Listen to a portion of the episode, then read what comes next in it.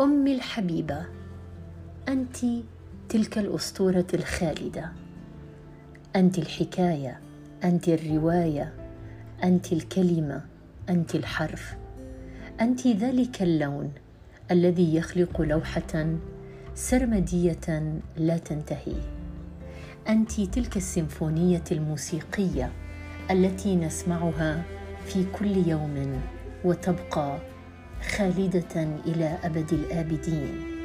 أنت تلك اللبنات الصغيرة التي تقف مصفوفة جنبا إلى جنب لتخلق ذلك البناء الشامخ والذي يبقى شامخا لأن نفسك موجود في هذه الدنيا.